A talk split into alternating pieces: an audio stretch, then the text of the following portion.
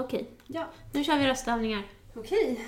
La la la la la lesbian. La la la la la la lesbian. Ja, det känns bra.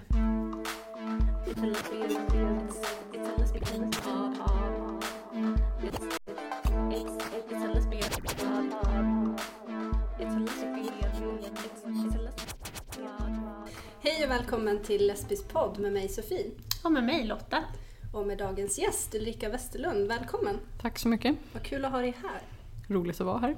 Eh, Jag skulle säga att för den breda massan så är du nog mest känd eh, som eh, den tidigare ordförande för RFSL. Så är det nog. Ja. Mm. Men jag är lite nyfiken på om du bara skulle berätta lite kort om vem är Ulrika Westerlund? Ja, Håll det eh, kort nu, det är lite historia.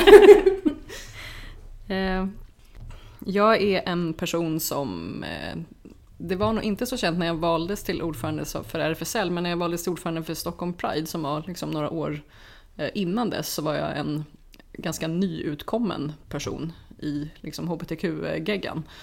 Eh, så, för jag var gift med en man tills jag var 29 år.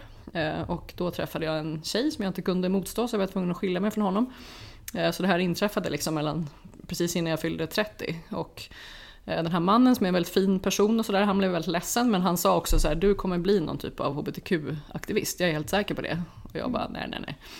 Eh, Men sen dröjde det ungefär eh, ja, typ ett och ett halvt år då så hade jag blivit vice ordförande för Stockholm Pride. Okej, Så då messade han mig då det jag sa? att han eh, kände mig lite bättre då än jag kände mig själv då. Eh, Så att eh, det var lite som att jag hittade hem kan man väl säga på lite olika sätt. Jag hade ju innan varit väldigt engagerad i eh, feministiska sammanhang kan man väl säga mer. Eh, Så, och det är ju också en identitet som jag har såklart, det är inte som att den har försvunnit. Eh, Men jag hade ju jobbat på tidskriften Bang och liksom skrivit mycket om feminism och gjort olika saker. Eh, men jag hade liksom inte riktigt varit med i någon politisk rörelse egentligen, så aktivt i alla fall. Eh, innan jag då liksom kom ut som hbtq-person, om man ska använda för ord, och eh, då liksom kastade mig in i eh, hbtq-rörelsen. Och det blev Stockholm Pride eh, först. Eh, det var en ren slump för det var en kompis till mig som frågade och tyckte att jag borde sitta i styrelsen där. Eh, och då fattade jag inte riktigt vad styrelsen för Stockholm Pride gjorde, men det framgick ju sen ganska Mm. snabbt. Vilket år var det här då? Eh, 2004. Okej. Och då var du 29 sa du? Inte för då hade det-. Nej, då hade det gått ett par år, så att det året fyllde jag 32. Okej. Mm. Jag blir bara nyfiken på, apropå det du beskriver här om din dåvarande man. Var Mm. det till och med. Eh, vad tror du var han hade sett då, som du själv inte hade sett vid det tillfället i alla fall? Eh, ja, men ett politisst engagemang då. Och att, liksom, det hade han ju sett då såklart för att liksom, ja, jag jobbade ju på Bang och liksom, vi pratade mycket politik och så vidare. Eh, och så såg han väl liksom att det här var något som bubblade fram väldigt starkt. Han förstod väl att det här liksom när jag sa att jag hade träffat den här tjejen så fattade han ju att det här är liksom inte någonting som kommer gå, att vi, vi kommer liksom inte diskutera här nu hur liksom vad som kommer hända utan det är väldigt tydligt vad som kommer hända och liksom han såg väl att det var något där som inte hade tagit plats tidigare som förmodligen skulle behöva få utlopp på något annat sätt än att bara inleda den här fina relationen då. Utan eh, han tänkte att det här kommer resultera i något mer och det var ju rätt. Mm. Men eh, det var så spännande här du sa att när, när han sa det först så kände du att nej, aldrig i livet, jag kommer inte bli någon aktivist eller vad var det som hände sen? Vad var det, hur gick du från det till det- där du är idag? Liksom? Nej men det var kanske många, jag kände ju lite olika personer från olika feministiska men då, då var det ju lite sådär, naturligtvis är det många som rör sig mellan hbtq-sammanhang och feministiska sammanhang, så är det ju nu också. Så det är liksom, så där kände jag ju lite folk. Eh, och då var det den här eh, kompisen då som då satt i styrelsen för Stockholm Pride som tyckte att Stockholm Pride behöver lite mer feminism.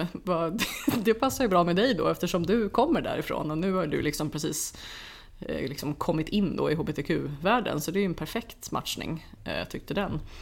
Eh, och det roliga då i Stockholm Prides styrelse då var att jag var inte precis ensam om att vara liksom sent utkommen om man säger utan det var ganska många där som var det som hade levt andra liv tidigare. Eh, många med barn, ganska stora barn och så som de hade fått i olika olikkönade relationer. Mm. Eh, och sen lite senare i livet liksom upptäckte att det var något annat som var mer intressant. Så, och då hade vi väl alla då samtidigt också då kastat oss in i något slags engagemang. Eh, så. Och sen kände du, nu ska jag bli ordförande. Hur gick det till när du, när du blev ordförande? Ja, alltså det, det var ju det var valberedningens eh, förslag. eh, Så. De tyckte att nu passade bra med ett byte här av olika skäl. Jag kommer inte exakt ihåg alla anledningar till det men det, de var inne på det spåret. Det var 2010 var det va, som du blev... Nej, eller det, här, det var ju RFSL då men nu det. innan dess hann jag vara ordförande för Stockholm Pride 2005 Ah, och just det. 2006. Mm. Mm, Okej, okej. Men ehm, just det, för 20, 2010 till 2016 var du ordförande för RFSL, eller? Ja, Just exakt. Okej. Mm. Är det liksom... ehm, om, om du tänker tillbaka på eh, din tid som ordförande, är det någonting som du känner så här att det där är jag extra stolt över, eller något som du tittar tillbaka och känner att wow, det här gör mig glad när jag tänker på. I RFSL just. Ja, Eh, Ja, det är flera saker, men dels så... Vårt största politiska framsteg under den tiden får väl ändå anses vara att vi fick bort eh, tvångssteriliseringarna av personer som vill ändra juridiskt kön. Och det var ju liksom en lång process där så här, många olika organisationer och aktivister och aktörer hade hållit på med det här i evigheter. Och eh, parallellt med vårt eh, politiska påverkansarbete så var det ju också en eh, oerhört skicklig jurist som heter Kerstin Burman som drev en process. Liksom. Så att det här var ju som ett samspel om man säger. Eh, och till slut så vann ju rättsväsendet hann ju före politikerna. Eh, så. Men vi hade ju ett nära samarbete i den här förändringsprocessen och liksom vår gemensamma analys var väl i princip att eftersom det här inte överklagades vidare till högsta instans, det berodde ju förmodligen på att det var känt då att det pågick redan ett, ett politiskt förändringsarbete. Så att säga. Det fanns ett politiskt beslut som riktade sig, som lutade åt samma håll då så att säga, att ta bort det. Det Eh, fanns ingen var, motsättning liksom, utan det var bara att de skulle komma ikapp. Det är så man ska förstå det. ja, det, det, hade redan ut, det hade redan uttalats att eh, nu var alla regeringspartierna överens om Mm. att tvångssteriliseringarna skulle bort. Eh, men sen drog man ut på det liksom faktiska beslutsfattandet ja, i lång tid, i över ett år. Liksom, så, och under den tiden så hann liksom rättsväsendet ikapp då. Så att de hann ju före Mm. eh, så, med det faktiska ikraftträdandet. Mm. Så. Men det var ju en parallell process som var ganska intensiv får man ju verkligen säga Mm. under ganska lång eh, tid. Eh, så. Men det är ju väldigt anmärkningsvärt att det dröjde så länge till man landade där helt enkelt. Alltså det är fruktansvärt. Att Ja, det tog så lång tid om man säger så.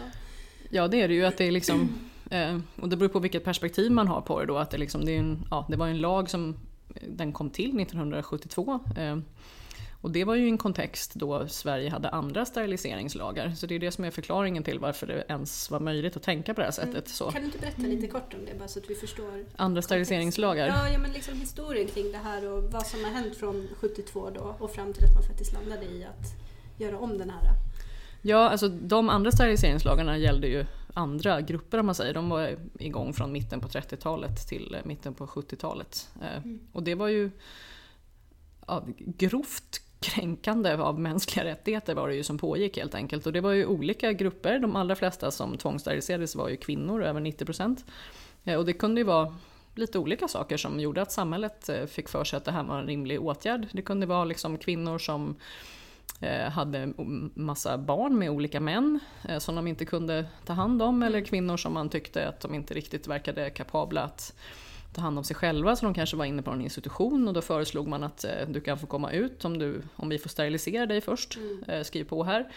Och likt sådana saker, olika eh, idéer. Eh, så att det här var liksom lite samma tankesätt då att samhället kan ställa ett sånt här krav eh, för att den här personen då ska få någonting helt annat. Det finns liksom ingen koppling mellan så här, du blir utskriven från institutionen eller du får en abort eh, som man egentligen inte kunde få. Eh, men alla de här grejerna kan du få på det villkoret att vi får sterilisera dig också samtidigt. Eh, och det är ju precis samma sak som sen skrevs in då i könstillhörighetslagen som är en helt annan lag. Eh, där det var du kan få ändra juridiskt kön eh, om vi får göra de här sakerna först. Bland annat då tvångssterilisera dig. Så det är samma, samma, där att man kopplade ihop och villkorade det med Men någonting som egentligen inte- har med det att göra. Finns inget liksom däremellan. För att det som det förvirrande tror jag för många i debatten var väl att man inte förstod att den här lagen handlar om det juridiska könet. Mm.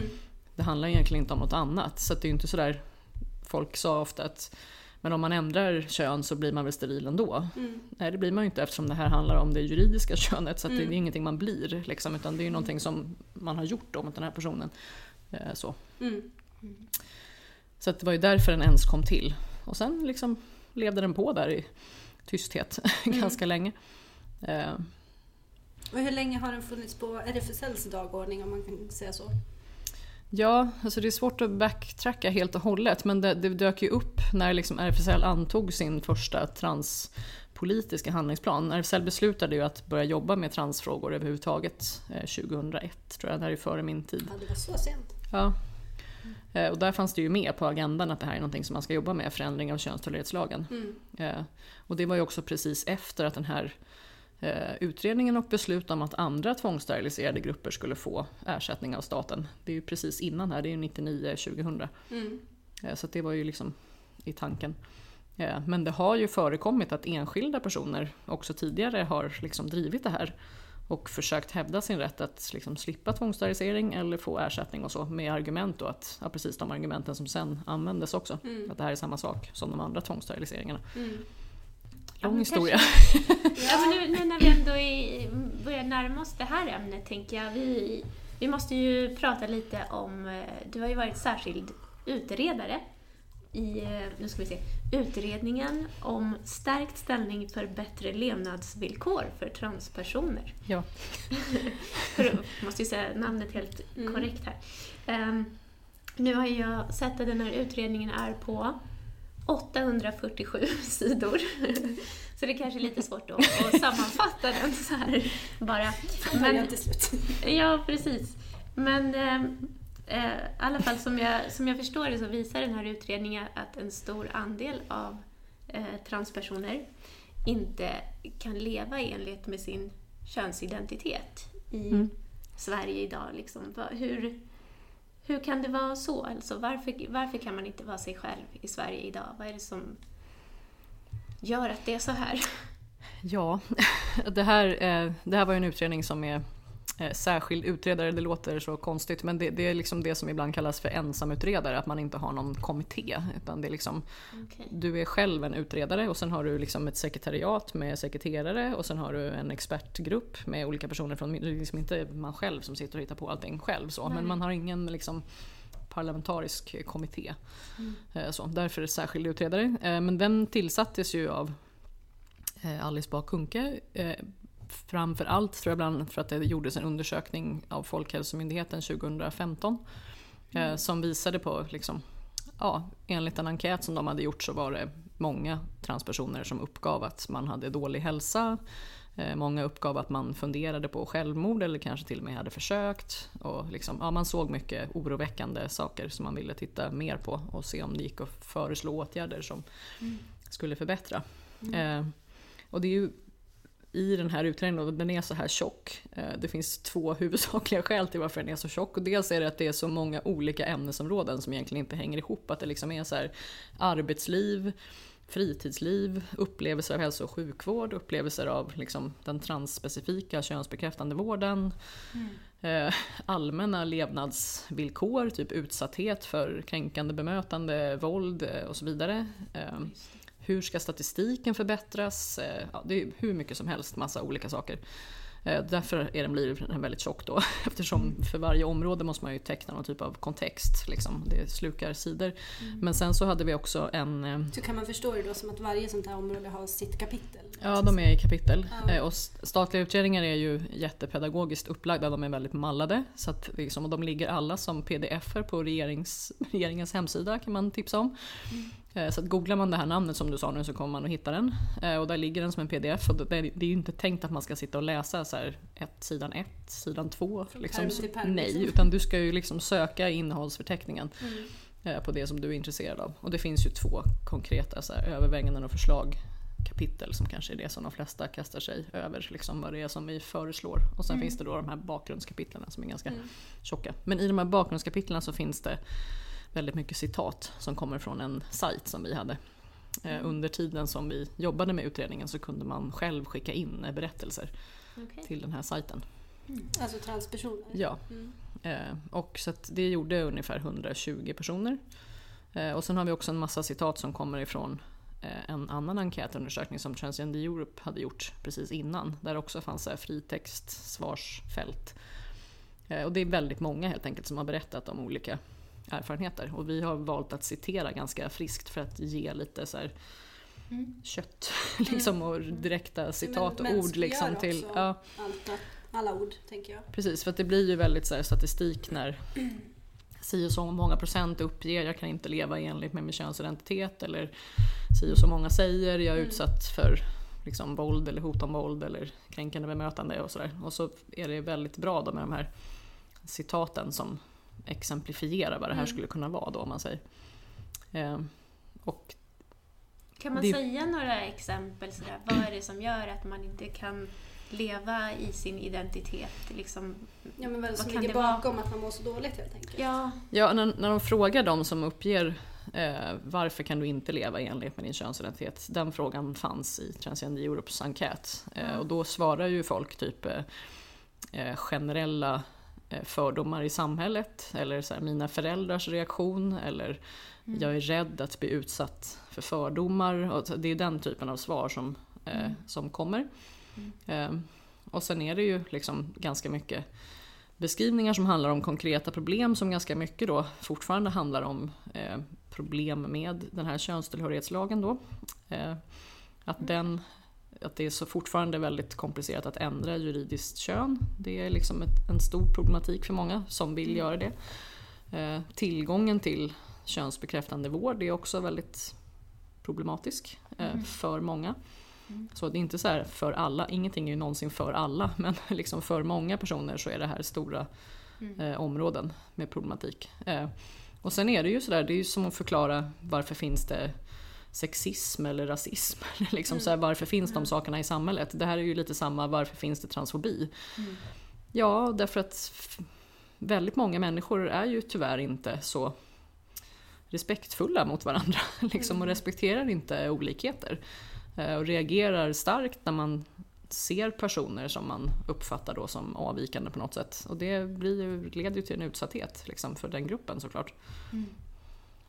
Men ni har också föreslagit, ja, nu har ni föreslagit väldigt många olika åtgärder, men är det, är det några man kan nämna sådär som du tycker känns eh, extra viktiga eller så?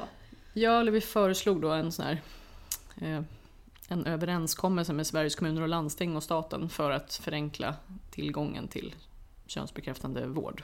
Mm. Eh, Det är väl vårt, det är vårt dyraste förslag i alla fall, garanterat. Att man skulle Mm. göra en sån överenskommelse där staten liksom skjuter till pengar eh, och landstingen förbinder sig att bedriva vården på ett visst sätt som gör att den är lite mer jämlik då, om man säger över landet. Mm. Så det är liksom en stor åtgärd som vi föreslog. Eh, För vad är problemen så som det ser ut idag? Kan man lyfta fram någonting bara för att förstå eh, var ja. vi kommer ifrån om man säger så? Eh, dels, eller ett jättestort problem är väl att det är bristande resurser vilket leder till väntetider Mm. som är väldigt långa och dessutom är lite oförutsägbara och skiljer sig kraftigt åt över landet också. Så det kan vara lite så här, här är det ett och ett halvt års väntetid men här så är det bara en månad. Mm. Eh, Så, och eftersom folk pratar med varandra och har kontakt på sociala medier så märks ju de här skillnaderna ganska snabbt liksom, och upplevs som väldigt orättvisa. Eh, och sen är det också att eh, olika av de här teamen då, som bedriver den här specialistvården eh, följer Socialstyrelsens kunskapsstöd i lite olika utsträckning kan man väl säga. Mm. Där några gör det lite mer och andra lite mindre. Mm. Och ibland är det för att de inte har resurser, för att politikerna inte har tilldelat det. Men ibland är det för att det finns ett motstånd och att de inte vill, tycker inte att det är bra. Mm. Liksom, fast det här är liksom en kraftig rekommendation får man verkligen säga, att Mm. vården ska bedrivas på det här sättet. Eh, men då väljer man ändå att inte riktigt göra det då, av något skäl. Mm. Så det låter ju väldigt godtyckligt. Ja, eh, det är det ju. Liksom. Men det här, är ju, alltså det här är ju problematik som man kan känna igen från andra. Det är ju en utmaning med att vi har, vi har vården, den är organiserad så att det är landstingen, regionerna som Mm. styr över den. Eh, Och det går liksom inte att mainstreama den med så statliga tvångsåtgärder. Utan det som står till buds då är ju att man gör de här överenskommelserna eller att man bestämmer att det ska vara eh, och Socialstyrelsen kan utfärda liksom kunskapsstöd eller riktlinjer eller, och så vidare. Mm. Eh, Så. Men det är fortfarande, makten ligger ju ändå i hos beslutsfattarna på varje landsting. Att försöka säkerställa att det ska bli på det här sättet. Mm. Så. Men så ett förslag var då samordningen mellan de här olika Ja, eller att delarna. göra en sån överenskommelse som Ja. skulle korta köerna och göra vården lite mer jämlik kan man väl säga. Mm. Det låter rimligt. Ja, men sen, sen ett annat stort förslag är väl att eftersom liksom, i den här utredningen så får vi ju uppdraget då, det, det är ungefär så är ju uppdraget då så här, beskriv hur transfobin ser ut, berätta varför den finns och säg hur vi ska göra för att den ska försvinna. Och det här, det går ju liksom inte. Alltså, För att- dig? men det är ju precis som alla andra, det är ju som att du skulle få i uppdrag då att säga hur ser sexismen ut Mm. och liksom, hur ska vi få bort den och liksom säg. Ja, eller Eh. homofobin, det har vi pratat om Ja. innan. Liksom. Ja, hur gör man då liksom? Mm, och då då, då, blir det ju en massa typer av liksom, eh, och då kommer ju in naturligtvis på så här mer, ja men typ övergripande strukturer för hela hbtq-politiken då blir också svårt att bortse ifrån i en sån i ett sånt sammanhang. Så vi hade ju också ett får man väl säga också ett ganska stort förslag då att den här HBT-strategin som finns från 2014 som den dåvarande regeringen eh, lanserade som jag inte tror är så jättekänd. Nej, Ni, på- ni ser ut som frågetecken Ja. till exempel. Så att, den. Ja, nej, men det finns i alla fall en HBT-strategi Ja. från januari 2014 eh, som liksom fortfarande används och refereras till så att den är absolut ett politiskt dokument. Så. Eh, men den är inte så konkret enligt mig bland annat då och håller, innehåller inte riktigt några mål eller någon budget som liksom hänger ihop på det sättet utan är liksom en beskrivning lite av sakernas tillstånd, lite så olika åtgärder som man höll på med just då Mm. och lite sådär planer framåt men det är liksom inte någon sån här man har liksom inte gjort någon grundanalys, vad är problemet? Mm. Och vilka åtgärder ska vi göra för att det ska bli bättre? Så det är inte någon liksom, handlingsplan. Så vi föreslog att HBT-strategin borde bli en HBTQI-handlingsplan med lite mer tydliga mål och Mm. budget som hör till de här målen. Mm. Eh, och att fler myndigheter borde bli strategiska myndigheter. Nu är det några myndigheter som är liksom strategiska myndigheter i den här, i den här strategin. Mm. Vi vill att några skulle läggas till. Eh, och så ville vi också koppla det här till den nya jämställdhetsmyndigheten. Just det. Mm. För att den är ju rolig på så sätt att den har liksom ett myndighetsuppdrag som inte riktigt någon annan myndighet har den typen av uppdrag i alla fall. Att de ska vara så stödjande och ha kontakter med personer i kommuner och landsting som jobbar med lokala och regionala handlingsplaner på olika områden och sånt. Och, vara liksom, och det skulle ju vara jättebra också på hbtq-området då, Mm. Tyckte vi. Så det föreslog vi. Mm.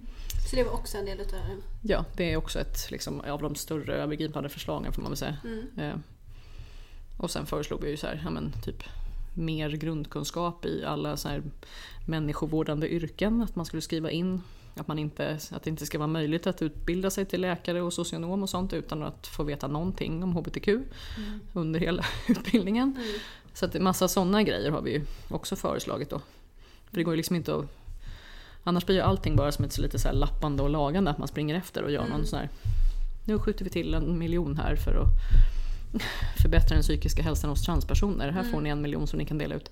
Det är ju bara akut åtgärder. Ja, Liksom, som, ad hoc låter det som. ja men det är ju så man ofta gör på något sätt. Nu Mm. hittar vi på den här grejen. Oj, titta vi hade en miljon över här nu när året snart är slut. Mm. Här får Vad ni ska den. vi göra med den? Ja, men den kan ni få.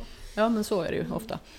Och det är ju bättre än att man inte gör så naturligtvis men Mm. det blir också lite Det vore ju bättre om man gjorde fler proaktiva, liksom lite Mm. mer strukturellt genomgripande grejer då men de är naturligtvis mycket dyrare och mycket svårare så det är därför de inte händer lika ofta. Mm. Jag fattar det. Så men vi vill ändå föreslå det som vi tänker vara liksom Mm. mer genomgripande åtgärder. Mm. Är det någonting mer som du tycker är värt att lyfta fram? Från just utredningen? Ja. Det finns säkert hur mycket som helst. jag, nej, jag men- undrar en sak också. Mm. Fast den är på lite mer personligt plan kanske. Men jag tänker, i utredningen då angriper ni såklart lite mer strukturella eh, frågor som myndigheter jobbar med och lagar och så. Men jag tänker, ehm, om vi tar mig så här som privatperson. Om jag känner så här, men jag, jag vill göra någonting bra för att göra samhället mer öppet och eh, jag vill att eh, alla transpersoner också ska trivas i samhället. Finns det något jag kan liksom göra, som du ser, som privatperson? Jag och alla andra där ute som lyssnar. Kan vi bidra på något sätt? Ja, alltså jag tänker att man kan göra det genom att ja, men till exempel vara eh, tydlig med att man förstår att alla inte är cis-personer, alltså personer som inte är transpersoner och att man förstår att det finns personer som inte identifierar sig som män och kvinnor, vilket ju då är en, en del av gruppen transpersoner, inte alla. Liksom. Att man eh, ja, men till exempel föreslår att om det bara finns eh, könade toaletter och omklädningsrum på arbetsplatsen eh, så kan man ju kanske föreslå att vi kanske skulle kunna ha ett alternativ som är att det inte är så. Hur kan vi tillgängliggöra? Eh, Hur kan vi jobba med vårt tilltal liksom, på arbetsplatsen för att alla ska känna sig eh, synliggjorda och inkluderade? Finns det någon sån åtgärd? Som ju, det är som, inget av det här är ju särskilt svåra åtgärder tänker jag. Det är ju väldigt så här, enkla så för att synliggöra utan att liksom tvinga folk att liksom komma ut eller liksom Är berätta någon saker om sig själva som man de Det inte vill. en Liksom, nej, det, liksom, undvik gärna Det- sånt. det liksom, med- att det det där är så här, med men, toaletter, Jag berättar hur man inte ska göra. Ja, alltså det där med toaletter känns ju verkligen som så här kvarleva. Eller jag kan förstå det om det är någon så här pissoar, någon sån här öppen toalett. Men annars, varför ska man överhuvudtaget kalla det något annat än WC om det bara är en massa så här dörrar in till badrum eller så här toaletter? Varför inte bara, varför ska man sätta kön på dem? Det är ju helt meningslöst.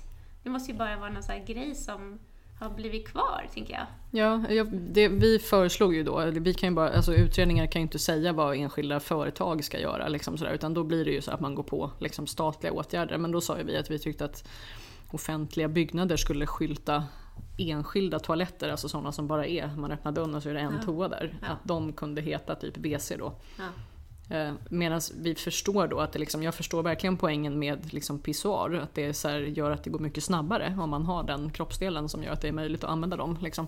Så att det är dumt att liksom låtsas som att den skillnaden inte finns då, men man kan ju välja hur man skyltar. Liksom. Det är så här, man, då kan man ju synliggöra att det är, en, att det, är det det är då. Skylta pissoar snarare än att säga att hit går män. Ja, precis. Säg, säg vad det är och inte så här herrtoalett. Ja. Utan liksom, om det är pissoar som det är så är det ju det. Liksom.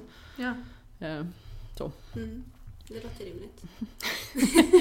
Nej, men så här, jag tänker att det ofta är, eh, just när det är så här, fyra enskilda toaletter så står det liksom dam, dam, herr, herr. Så är det ju alltid mycket längre kö till dam, dam toan och det, blir väl, det är väldigt eh, obegripligt faktiskt. Mm. Varför?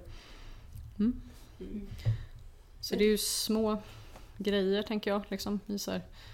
Och det är ju många, jag uppfattar kanske som lite yngre personer som kanske är då i så skolan eller utbildningssammanhang som uppger ofta att man blir felkönad. Alltså att någon refererar till dig som ett kön som du inte har. Liksom. Och det är ofta inte ondskefullt menat men att det blir det här liksom Tjena tjejer, här sitter ni tjejerna och pratar, kul! Man komma och slå sig ner här bland alla tjejerna? Att det liksom, om man inte riktigt vet att det faktiskt är tjejer så kanske man bara kan undvika den typen av tilltal. Liksom. Att det, Absolut. och försöka ha ett annat, liksom, mer Ja, men det är ju Inkluderande, bara liksom. egentligen. Alltså, det är säkert som Ja. du säger för de flesta fall i alla fall att det är nog inget illa ment. Men just för att Jag man inte är medveten om det ens ja. så blir det ju fel. För att det kan ju ändå Alltså, du kan ju ändå göra personer obekväma som inte kände sig inkluderade i det tilltalet. Eller man ska säga. Ja, absolut. Mm. Men jag tycker det är så...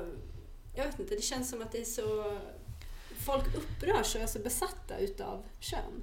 Alltså det är ju det är så uppenbart i alla sammanhang hur, hur det här kan provocera Jo, folk. Och jag, tycker, jag, jag kan inte riktigt förstå det personligen men Mm. alltså det är ju likadant om, om, om det handlar om att man ska få barn till exempel. Första frågan är alltid, vet ni vad det blir? Vilket Mm. kön är det? Och det är ju, redan där har man ju antagit att det är bara två kön, för det första. Vilket det Mm. definitivt finns personer som inte heller kommer vara bekväma i och så vidare.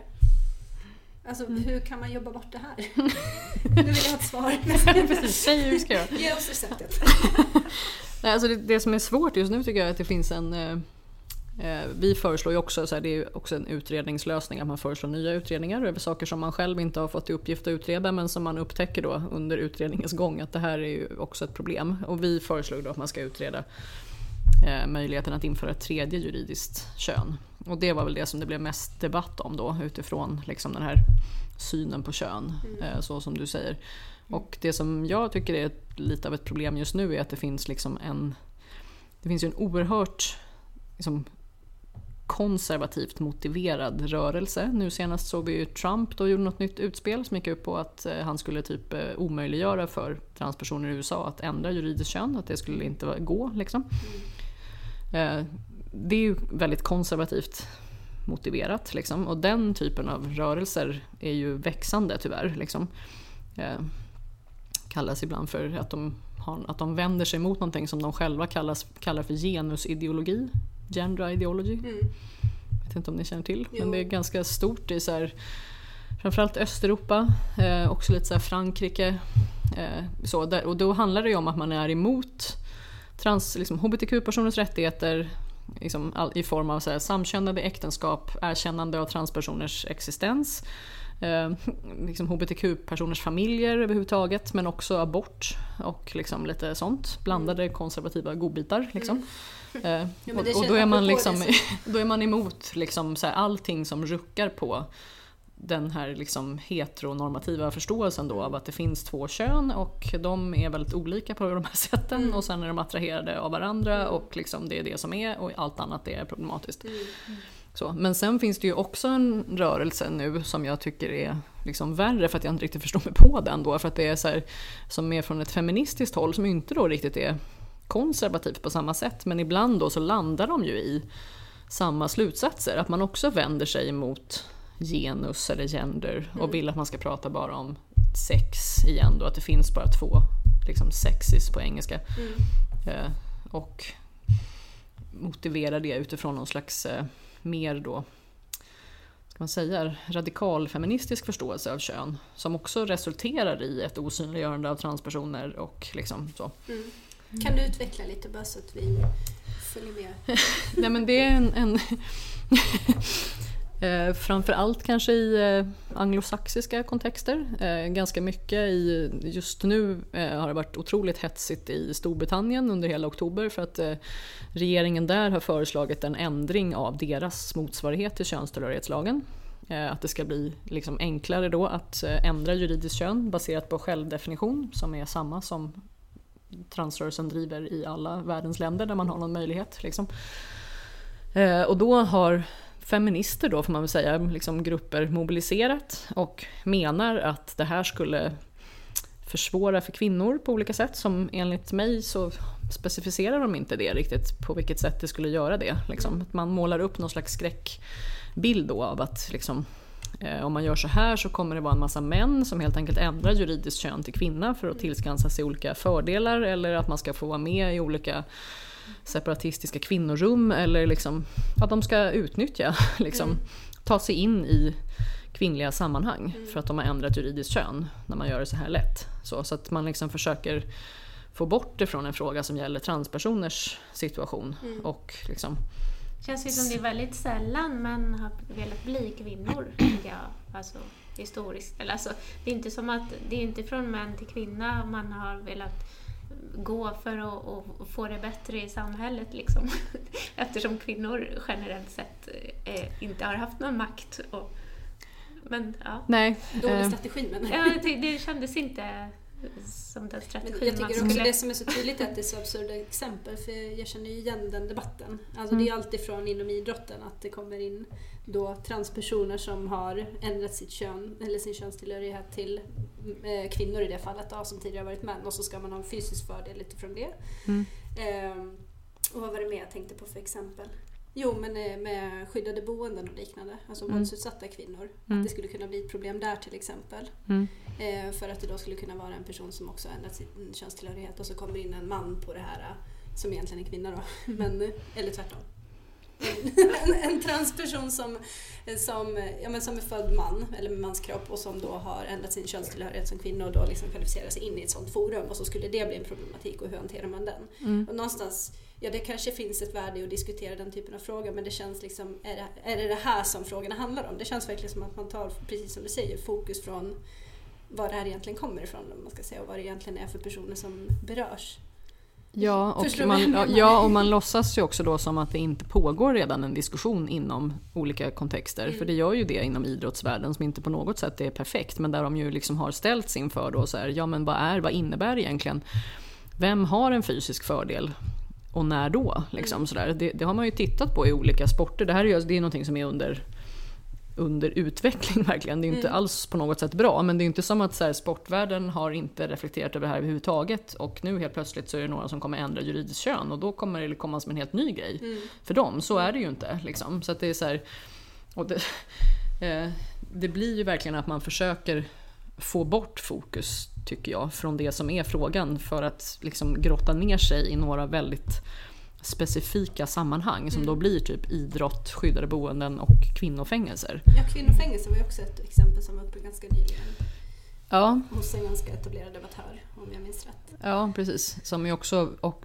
precis liknande exempel har också kommit från Storbritannien då, så Mm. det är ju liksom samma, Mm. samma diskussion. Mm. Eh, så. Där man också är lite så här: okej, eh, ja jag googlade då till exempel svenska kvinnofängelser, vilka som redan sitter där. Mm. Och då sitter det ju naturligtvis redan eh, väldigt våldsamma personer då som redan är placerade på kvinnofängelser som har mördat och styckat andra kvinnor och liksom liknande. Det finns ju redan den problematiken. Så att det, liksom, det här är ju mer ett generellt problem då om ja, hur skyddar vi olika intagna Mm.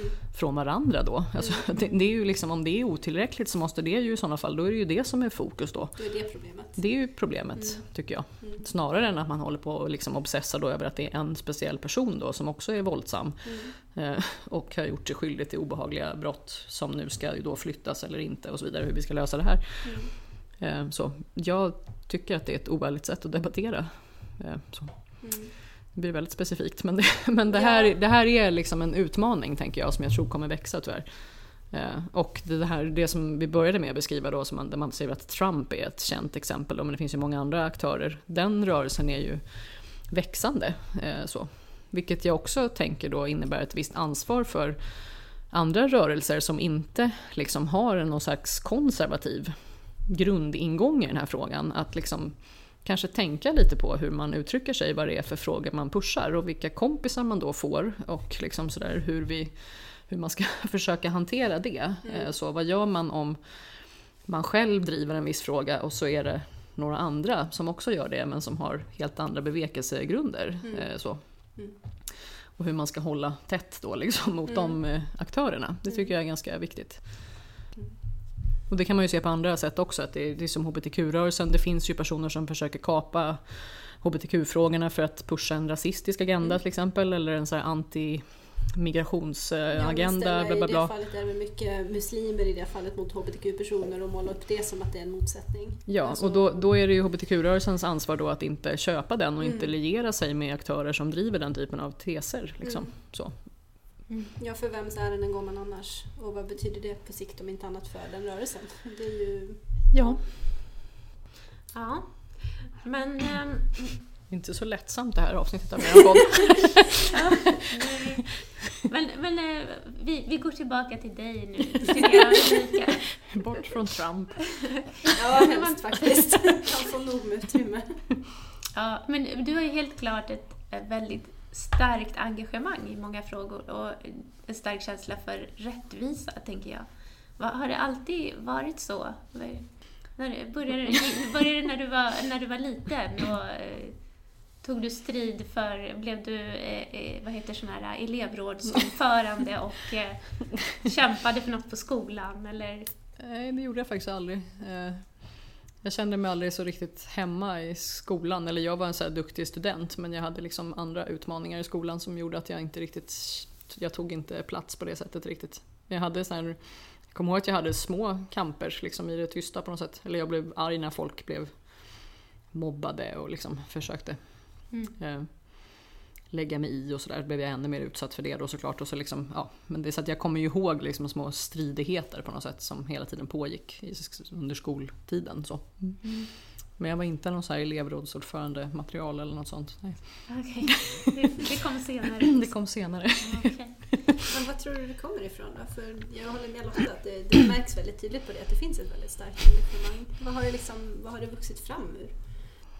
Ja, alltså just vad det gäller eh, hbtq-frågor då, som ju ändå har varit min stora grej då, för, vid sidan av feminismen, så jag tror lite att det hängde ihop med eh, Ja, men så här, eftersom jag var så gammal när jag liksom kom in i de sammanhangen då, eller 29 år, liksom, så hade jag ju redan levt i någon typ av heterotillvaro innan. Så då märkte jag ju väldigt tydligt skillnaderna då. Liksom. Så då blir det ju den här Jaha, men liksom, eller för då på den tiden, nu ska jag berätta hur det var för, för länge sedan.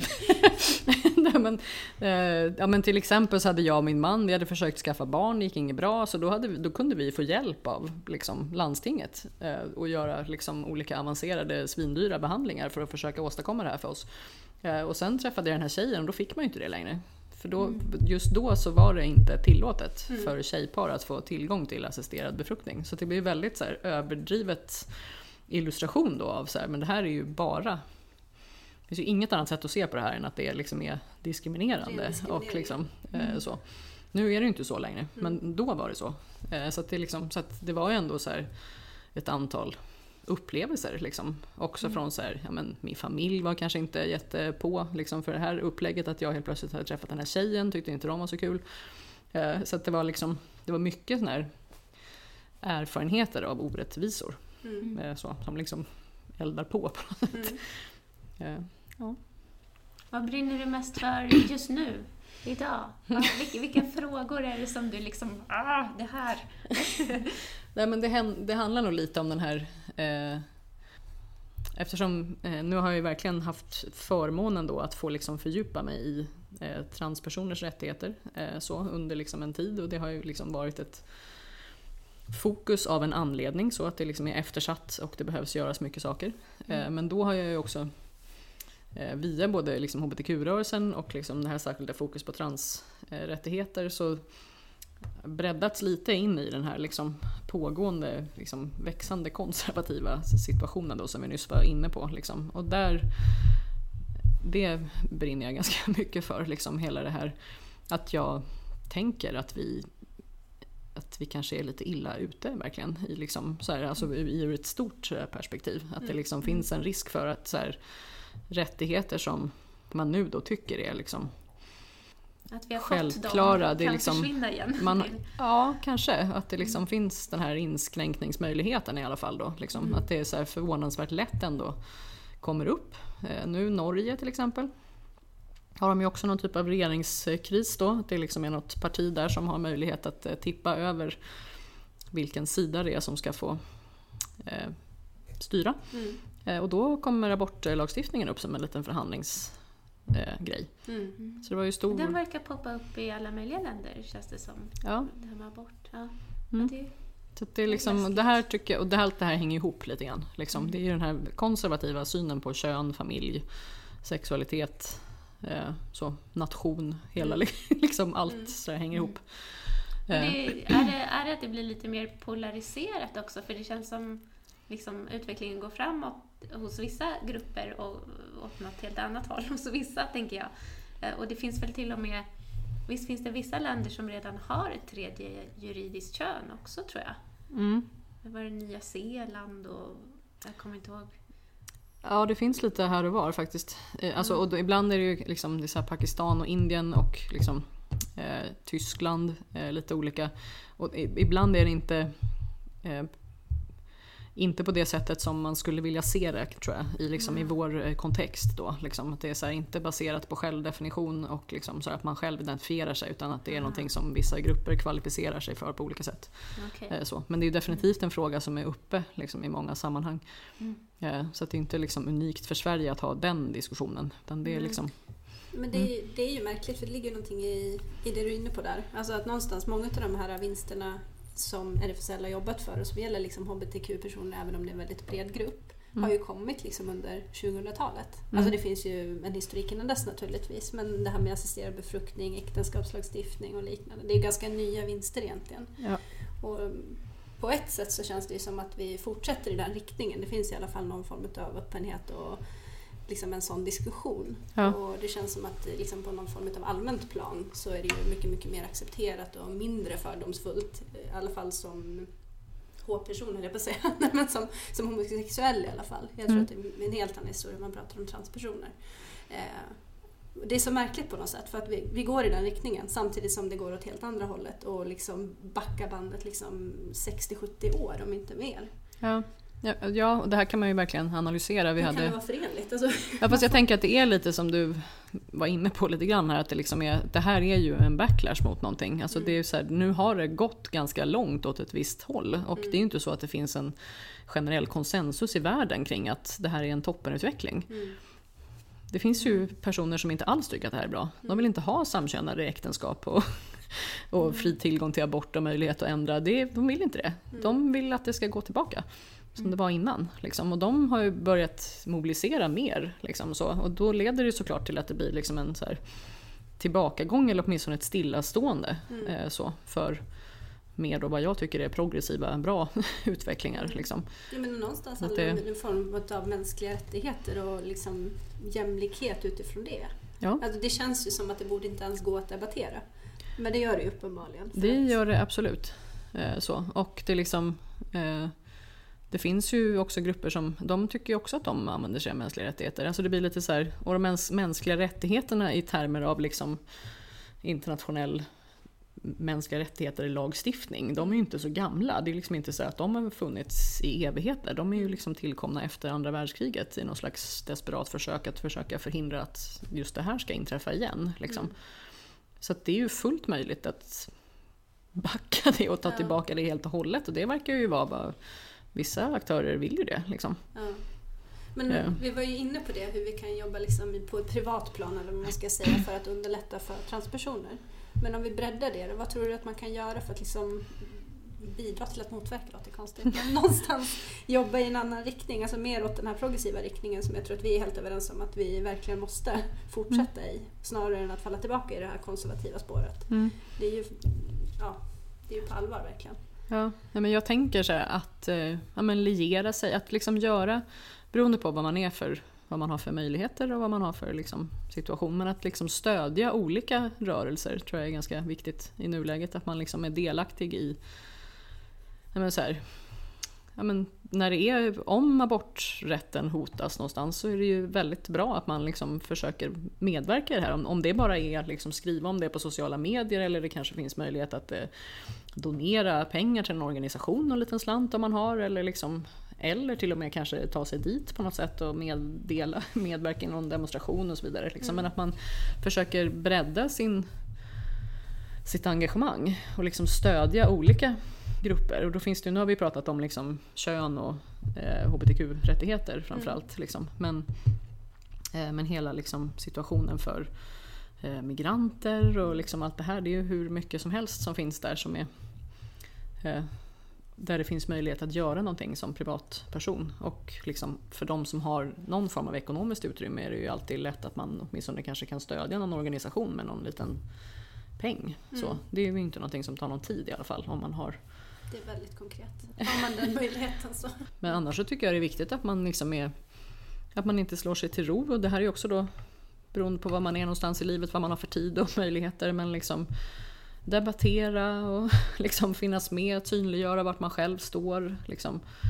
Eh, definitivt gå och rösta, kanske till och med engagera sig i något parti om man orkar det eller någon annan organisation. I någon så här, eh, det finns ju alla möjliga saker som jag tänker allt bidrar till liksom, ett mer sammanhållet samhälle om man säger. Eller jag har en vän som är väldigt engagerad i så här Bagarmossen Folkets hus till exempel. Bygga upp det. Eh, skapa liksom en plats där man bor. Hur kan vi alla mötas och skapa liksom den här närheten till varandra så att man liksom inte kan se på varandra som fiender. Ja, du förstår, det finns liksom Och inte lika hotfullt utan vi kommer närmare varandra. Ja, hur skapar vi den här platsen liksom, Mm. eh, tillsammans? Eller liksom, ja. Om man inte Allting tycker det låter så pepp, liksom, du kanske vill vara fotbollstränare för något litet eh, lag med små barn som vill spela fotboll så kanske du vill vara med. Och, alltså, det är mycket sånt som jag tänker också bidrar till ett sammanhållet eh, samhälle som minskar klyftor. Liksom. Och solidarisk eh, närvaro. Eh, så när det är en viss grupp som är utsatt så visar man att man inte accepterar det. Fast man själv inte tillhör den gruppen liksom, på olika sätt. Men nästa gång kanske det är du som står på fel sida Ja, om man säger till så. exempel. Så att det är liksom så det är så stort och smått liksom. Och jag tänker att ibland får folk så här panik. Bara, vad ska jag göra? Allting Mm. är liksom... Ja.